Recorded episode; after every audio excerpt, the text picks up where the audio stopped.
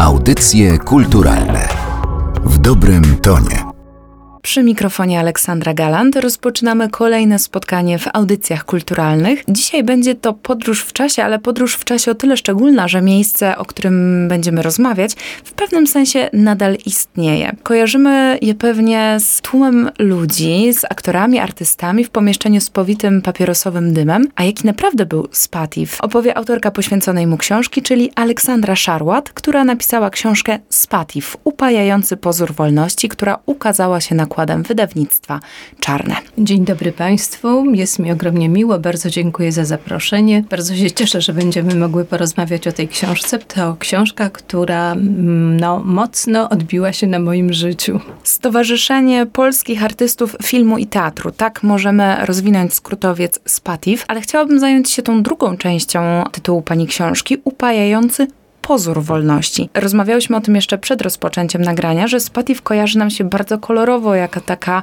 enklawa wolności, sztuki, koloru w szarym PRL-u. Natomiast to nie było miejsce krystaliczne. Nie było miejsce krystaliczne, ale to nie do tego właściwie pije ten upajający pozór, chociaż właściwie można by tak pomyśleć, ten upajający pozór wolności, ponieważ artyści uwielbiali to miejsce, uwielbiali Spatif. No, trzeba też zaznaczyć, że takiego miejsca nie ma już. Nie ma i był to jedyny w swoim rodzaju klub, klub legenda, legendarne postaci, legendarne stoliki i właśnie ów pozór wolności. Może najpierw powiedzmy, czym on był dla artystów Spatif. Więc on był przede wszystkim domem, gdzie oni się czuli pewnie, czuli się blisko siebie. To też jest bardzo ciekawe i godne podkreślenia, że to był taki czas, kiedy ten Spatif powstawał, a są to lata 50., wczesne lata 50., że ludzie byli blisko siebie, że nie byli pozamykani w swoich bańkach, ani nie byli samotnikami, tylko każdy lgnął do drugiej osoby.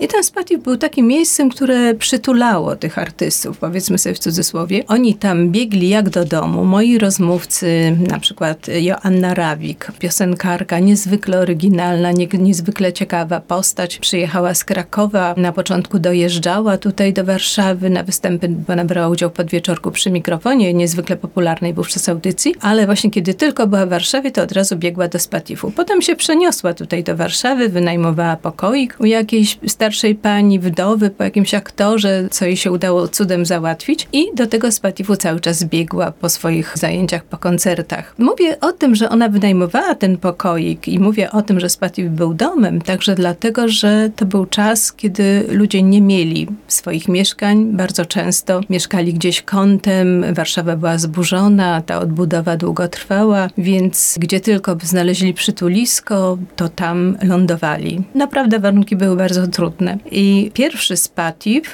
powstał nie w Alejach Ujazdowskich, jak teraz wszyscy kojarzą to miejsce i słusznie zresztą jest z klubem aktora, ale przy ulicy Pankiewicza 2. I to była, jak opisują to bywalcy, jakaś taka ciemna klita, ciemny, długi pokój, długie pomieszczenie przedzielone rzeźbą kobiety, i tam odbywały się te pierwsze spotkania właśnie artystów. Później przeniósł się ten spatif już właśnie w Aleje, kiedy wyremontowano kamienicę, nieco nadruszoną przez wojnę. Na szczęście nie była zbombardowana. I pojawiła się właśnie kolejna funkcja spatifu, czyli giełda, giełda pracy. Artyści nie mieli wtedy agentów, którzy dbaliby o ich interesy. Nikt nie załatwiał artystom ról w filmach, w teatrze czy koncertów, więc tam była taka właśnie swoista giełda pracy, gdzie można było spotkać reżyserów, różne osoby, które mogły zatrudnić artystę. No i kolejna funkcja to właśnie takie wrażenie wolności. No lata 50. są bardzo trudne w Polsce. Po pierwsze okres stalinizmu, więc no wtedy było bardzo trudno. W 53 roku roku umarł Stalin, już jakby troszeczkę wszyscy poczuli się wolniejsi, a pierwszy Spatif powstał w 52 roku, ten właśnie przy Pankiewicza. W swoim gronie oni czuli się mm, swobodni, czuli, że mogą coś powiedzieć, że mogą powiedzieć więcej niż y, w pracy. Moi rozmówcy opowiadają mi, że jeśli ktoś zwierzył się w pracy, powiedział, co myśli o panującym systemie, no a był to no, niezwykle trudny okres w historii PRL-u, Polski, że no to się bardzo źle kończyło. To się kończyło więzieniem, a w tym więzieniu no naprawdę nie były to warunki godne człowieka. Więc ten pozór wolności, który oni tam mieli, tę namiastkę, zapijali alkoholem. Więc stąd ten upajający, bo ten alkohol to był taki element baśniowy, sformułowanie, które wymyślił Marek Chłasko, a które przypisuje się Himmelsbachowi. To był właśnie pozór, dlatego że pomiędzy gośćmi pojawiali się przedstawiciele służby bezpieczeństwa i podsłuchiwali, o czym się mówi, zbierali jakieś informacje. Zaskakujące dla mnie było to, jak ci przedstawiciele służby bezpieczeństwa funkcjonowali w tym towarzystwie, bo aktorzy, artyści, bywalcy z Patifu często zdawali sobie sprawę, Mhm. kto siedzi obok nich, kto tutaj jest obcy albo wygląda dziwnie. No ale z drugiej strony zdaje się, że jedna z legend z Patifu, jedna z tych najważniejszych postaci, czyli szatniarz pan Franciszek, zwany panem Franiem po prostu, również zbierał informacje dotyczące bywalców z Patifu. A co jeszcze bardziej zaskakujące, oni byli tego świadomi. Tak, i nawet tytułowali. Janusz Minkiewicz, bardzo ważna postać w Spatifie, a także bardzo ważna dla kultury, zwłaszcza przedwojennej II Rzeczpospolitej Polski. On tytułował kapitanem, ktoś inny wchodząc mówił dzień dobry panie majorze do Franciszka Króla. Tymczasem no właściwie no, trudno było przypuszczać, żeby ktoś taki jak szatniarz czy barman nie był na usługach. To raczej nie było możliwe. Ja pisałam poprzednią, właściwie pierwszą taką moją książką non-fiction, dokumentalną. Jest książka o telewizji polskiej, TelePRL, prezenterki. I wtedy przy okazji pisania tej książki rozmawiałam z Jerzym Gruzą o Irenie Dziedzic która tam jest też jedną z postaci mojej książki, bo był, toczył się spór o to, czy Irena Dziedzic była na usługach SB, czy nie. I powiedział mi Gruza, wie pani, no ona była barmanką w Krakowie przed laty, zanim przyjechała do Warszawy. No to trudno było, bo nikt takiej posady by nie dostał. Także no, bywalcy z Patifu zdawali sobie z tego sprawę, ale z drugiej strony darzyli pana Franciszka, zwanego Franiem, Frankiem, no bardzo o nim ciepło mówią do dzisiaj, darzyli wielką sympatią, bo on był jakąś niezwykłą postacią i ja szukałam w IPN-ie materiałów o nim. Zresztą no, sprawdzałam, w cudzysłowie, sprawdzałam osoby, co do których mogły być podejrzenia, że byli na tak zwanych usługach, a zwłaszcza, zwłaszcza właśnie te, które pomawiano o to, czyli tutaj Franciszka Króla. No i no cóż, no oczywiście tak, ale nie znalazłam niczego, co by mogło zaszkodzić któremukolwiek z bywalców. Nie znalazłam żadnych takich informacji. Jedna teczka która powinna być, taka z lat 64-67, zaginęła, jej nie ma. Dopytywałam się, co się stało. Prawdopodobnie zginęła. Może ktoś wyrzucił, nie, może uznano, że nie jest istotna. I później któryś z tych oficerów prowadzących Franciszka Króla powiedział, że widocznie tam były same plotki towarzyskie, a to nie interesowało Becji. Natomiast bardzo, bardzo go proszono o informacje dotyczące cudzoziemców odwiedzających klub. Chodziło o obywateli innych ambasad. Spatif jest położony w takim miejscu, gdzie z ambasady amerykańskiej jest blisko z francuskiej i tam przechodzili ci dyplomaci i Franciszek miał meldować, kiedy kto był. No bardzo to jakieś takie ogólnikowe były jego te raporty. Pieniądze dostał raz, najwyżej dwa, a zabawne jest to, że kiedy mu ostatni raz proponowano pieniądze, to on odsunął i poczuł się honorowy, powiedział bardzo dziękuję. Sezon był dobry, proszę przeznaczyć te pieniądze na pomnik Matki Polki. A to chodziło o szpital wtedy, który był w budowie. Można powiedzieć, że sobie zakpił. A był to prosty człowiek po siedmiu klasach szkoły podstawowej, który zachowywał się naprawdę niezwykle jak na takiego szatniarza i tam są takie śmieszne sytuacje, jak przychodzi jakaś żona poszukująca męża, ten mąż pije od rana, tam wiele osób siedziało właśnie od rana do wieczora i piło i dzwoni żona, a telefon był jeden u pana Frania i ona pyta, czy on jest, a on mówi, zaraz chwileczkę sprawdzę, idzie do stolika i mówi, bardzo pana przepraszam, żona pyta, czy pan jest, czy pana nie ma. No i mężczyzna odpowiadał, nie, nie ma mnie. Franio wracał do telefonu, mówi, powiedział, że go nie ma. No właśnie, legenda z jest chyba w dużej mierze zbudowana na anegdotach, na anegdotach dotyczących tych niezwykłych, błyskotliwych powiedzonek, odzywek. E, Zdaje się, że Andrzej Szczepkowski tutaj, jeżeli chodzi o kalambury, brylował, ale zapewne do każdej gwiazdy czy znaczącej postaci polskiej sceny lat 60. znaleźlibyśmy jakąś historię, która wydarzyła się w Spatifie albo która Spatifu dotyczy. Ja szukałam właściwie historii mniej znanych, bo te znane wszystkie są opisane z dosiadaniem się psa do Himmelsbacha i Maklakiewicza, czy to pies się do nich dosiadł, czy oni się dosiedli do psa, czy karmienia tego psa łyżką z talerza. Anegdoty trzeba powiedzieć to, że one z czasem zmieniały bohaterów, zmieniały troszkę miejsce. Potem były wątpliwości, czy one rzeczywiście pochodzą ze Spatifu, czy może z kameralnej, bo tam to było pierwsze miejsce takie w Warszawie, gdzie anegdoty o artystach powstawały. Natomiast ja szukałam takich anegdot, które nie były opowiedziane. No i bardzo mnie rozśmieszyła na przykład taka historia, którą opowiada reżyser Wojciech Solarz, znany jeszcze z STS-u, o którym Agnieszka Osiecka kiedyś się wyraziła, że to jest geniusz STS-u. Bardzo zdolny, wówczas młody człowiek i kręcił film kręcił film. Tytuł tego filmu to były Bezkresne Łąki i w pewnym momencie kierownik produkcji go woła. Kręcono to w miejscowości Zgon nad jeziorem i woła go kierownik produkcji i mówi do niego, panie Wojtku czy Wojtku, na pewno jest pan głodny, to coś trzeba byłoby ciepłego przekąsić. No i go prowadzi w głąb lasu, taki dziki teren, zarośla, las i Wojciech Solarz nagle patrzy, a tam jest chatka, na tej chatce jest napis Spatif jest okienko drewniane, które się otwiera na oścież. I kto tam jest? Franek. I pan Franek mówi do Wojciecha Solarza zapraszam, wódeczka i bigosik.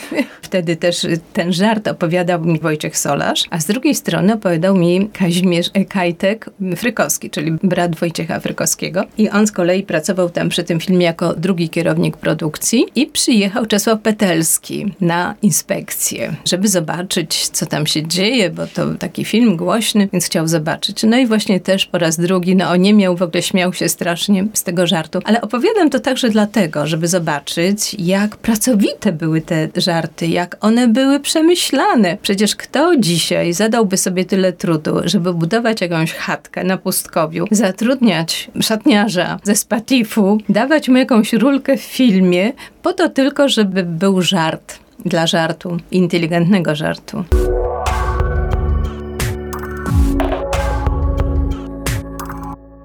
Przywołam w tym momencie słowa Krystyny Mazurówny, która również w Spatifie sporo czasu spędziła, która mówiła, że dla niej te wizyty to była kąpiel intelektualna. Tak, i to jest właśnie kolejna funkcja Spatifu, że on dla wielu młodych kobiet zwłaszcza, bo cały czas przypominajmy, że to było tuż po wojnie, gdzie one miały braki w wykształceniu, bo nie miały możliwości, nie miały czasu też, żeby się kształcić tak, jakby chciały. No i ta wiedza też była ograniczona, bo, bo też w szkołach podręczniki były zakłamane, nie mówiło się o wielu rzeczach. W czasach stalinizmu, także za Gomułki to nie było takie proste. Więc one siadały przy tych stolikach i słuchały. Słuchały, o czym mówią mądrzejsi tak one, one uważały, te panie, bo to też Krystyna Cierniak-Morgenstern, do nich należała też Joanna Rawik właśnie. Też Agnieszka Osiecka się do tego przyznaje, że przysłuchiwała się, też Komedowa. Wspominały o tym, że te rozmowy przy stoliku to były dla nich rodzajem edukacji, rodzajem uniwersytetów, jak one mówiły, stolikowe uniwersytety.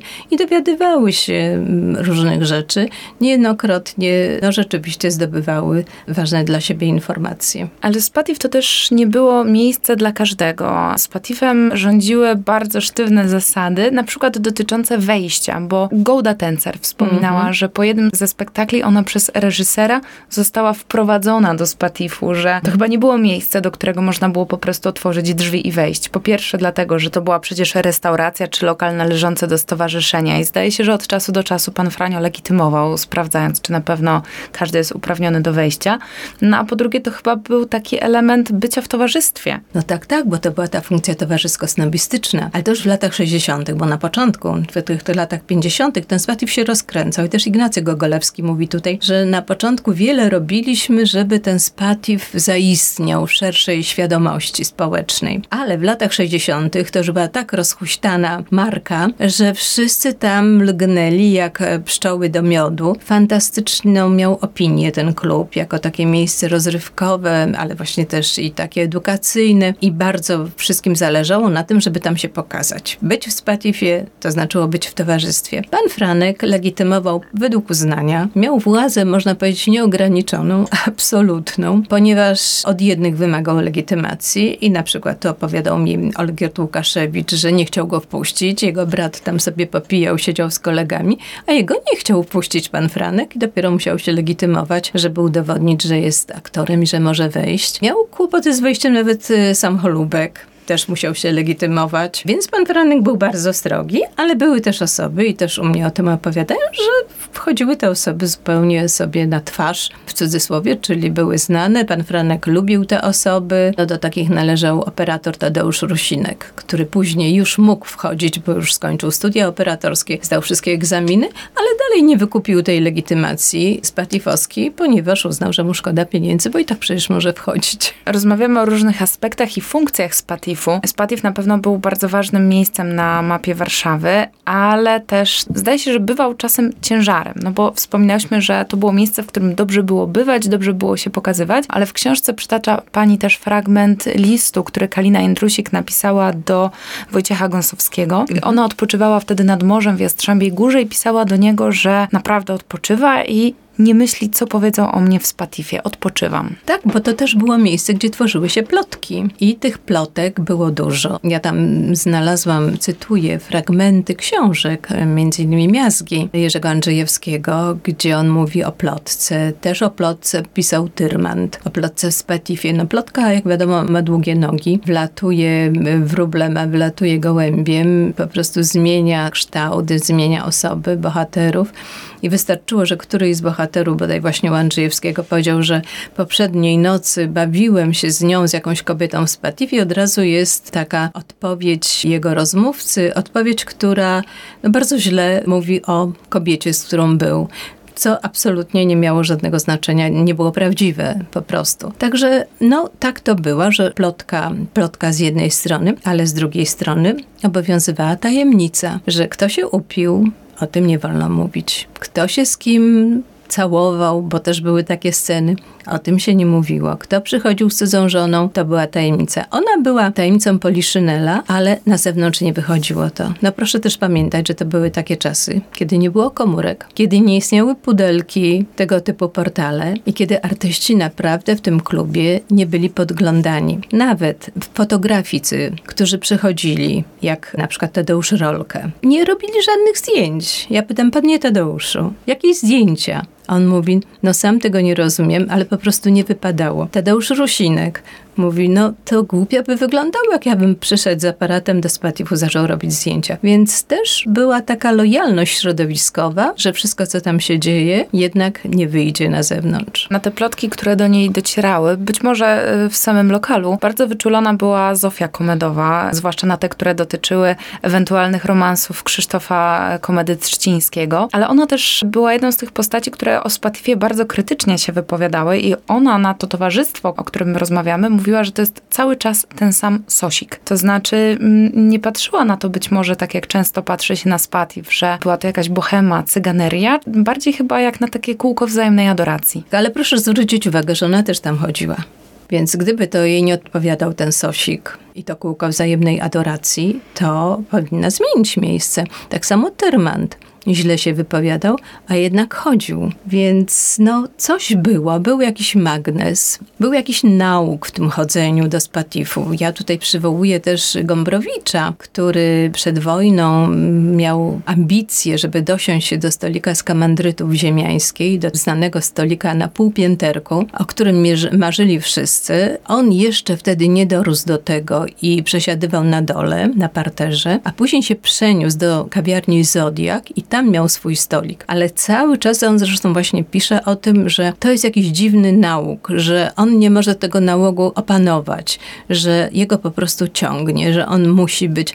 Więc no pewnie coś w tym jest. To jest i przywiązanie do, zapewne do ludzi, których tam się spotyka, do jakiegoś rodzaju teatrum, bo też powiedzmy sobie szczerze, że przy tych stolikach, tych najważniejszych, które tam były w Spatifie, to odbywał się rodzaj teatru. Były gwiazdy tych stolików, byli różni ludzie, jak gdyby satelity tych gwiazd, ludzie, którzy krążyli wokół, akolici, adorowali tę główną postać. Te główne stoliki to jest stolik Janusza Minkiewicza, później Józefa Prutkowskiego i wybitnego operatora Stanisława Wola, współzałożyciela Szkoły Filmowej w Łodzi, a także stolik, nazwałam go ruchomym, Stanisława Dygata, ruchomym, ponieważ nie przychodził tam codziennie. Ci trzej wymienieni panowie z reguły tak, a najczęściej Prutkowski i Minkiewicz. Natomiast Wol, który miał część zajęć w Łodzi, to wtedy nie bywał, ale poza tym to dla nich były takie miejsca, których codziennie musieli być. Ale tak jak powiedziałyśmy na początku, ten świat w pewnym momencie się skończył. Klub Spatif, kamienica w Alejach Ujazdowskich istnieje cały czas, ale to nie jest już to samo miejsce, co zresztą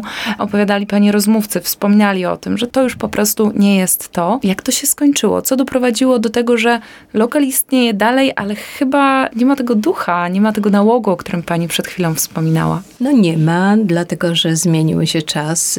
Tutaj dwa wydarzenia e, zaważyły na tym, że ten Spatif się zmienił. Po pierwsze stan wojenny, 81 rok, kiedy Spatif był zamknięty i okazało się, że po tym powrocie już Później po kilku miesiącach go otworzono, ale już mniej osób tam przychodziło, już nie było takiej radosnej atmosfery. No, był to bardzo, bardzo trudny okres. A kolejny, no to transformacja ustrojowa. Ludzie zaczęli dążyć nie do tego, żeby być razem i żeby się razem bawić, tylko jednak te zmiany sprawiły, że dostrzegli możliwość zarabiania pieniędzy i zaczęła się pogoń za pieniędzmi. Aktorzy zaczęli grać w serialach. Te seriale kręcone o 6 rano na przykład zaczynały się z zdjęcia, więc no, trudno było siedzieć do rana w klubie i się bawić, skoro wiadomo było, że trzeba iść na zdjęcia rano, być trzeźwym. Wcześniej to nie przeszkadzało tak aktorom, ale to były spektakle teatralne, więc nawet zdarzało się, że oni zasypiali na scenie po kilku albo nad kilkunastu mm, głębszych wódkach wypitych w Spatifie. A po transformacji ustrojowej okazało się, że to niemożliwe, że jednak muszą się zdyscyplinować, że zaczęło być ważne nie to, żeby być, ale żeby mieć mieć, żeby mieć jak najwięcej. I to sprawiło, że ludzie zaczęli przyjeżdżać do Spatifu na przykład samochodami, no więc tymi samochodami, jak tutaj któryś z moich rozmówców mówi, furami, przyjeżdżali furami, więc furami musieli odjechać, w związku z czym alkohol już poszedł w kąt. No i bardzo dobrze, no bo cóż by to było. I to powoli zaczęło się chylić, też ludzi zaczęło ubywać z przyczyn naturalnych. No ja powiem, że w trakcie pisania tej mojej książki pożegnałam czterech moich rozmówców. Odszedł Daniel Pasent, odszedł Andrzej Korzyński, z którym byłam zaprzyjaźniona. Zaprzyjaźniliśmy się przy okazji pisania przeze mnie książki o Andrzeju Żuławskim, gdzie Andrzej Korzyński był jego współpracownikiem. Odszedł y, Ignacy Gogolewski i odeszła postać bardzo dla Spadifu ważna w ogóle dla warszawskich tych klubów, takiego warszawskiego celebryty Andrzeja Bogdanowicza, na którego mówiono koń. Andrzej Bogdanowicz był bardzo taką postacią no, ciekawą, no, na pewno ciekawą. Nigdy nie pracował, żył z pokera, przesiadywał całymi dniami właśnie w klubach i warszawskich knajpach, restauracjach, przyjaźnił się z artystami, taki warszawski celebryta i wydawał się, że jest żelazny, nie do zdarcia. No i niestety też odszedł. Moi bohaterowie Zofia Czerwińska już nie ma, Jerzy Gruza już nie ma. No niestety zmienia się czas i zmieniają się realia. No to przywołana przez panią Zofia Czerwińska. Jej słowami pozwolę sobie zakończyć naszą rozmowę, bo ona a propos tego, co stało się ze Spatifem, powiedziała po prostu, zmieniliśmy się my. Tak, niestety. I za jakiś czas, kiedy powstaną kolejne kluby, też przejdą przeobrażenia. O książce Spatif, upajający pozór wolności, rozmawiałam z jej autorką Aleksandrą Szarłat. Bardzo dziękuję za spotkanie i za rozmowę. Dziękuję bardzo.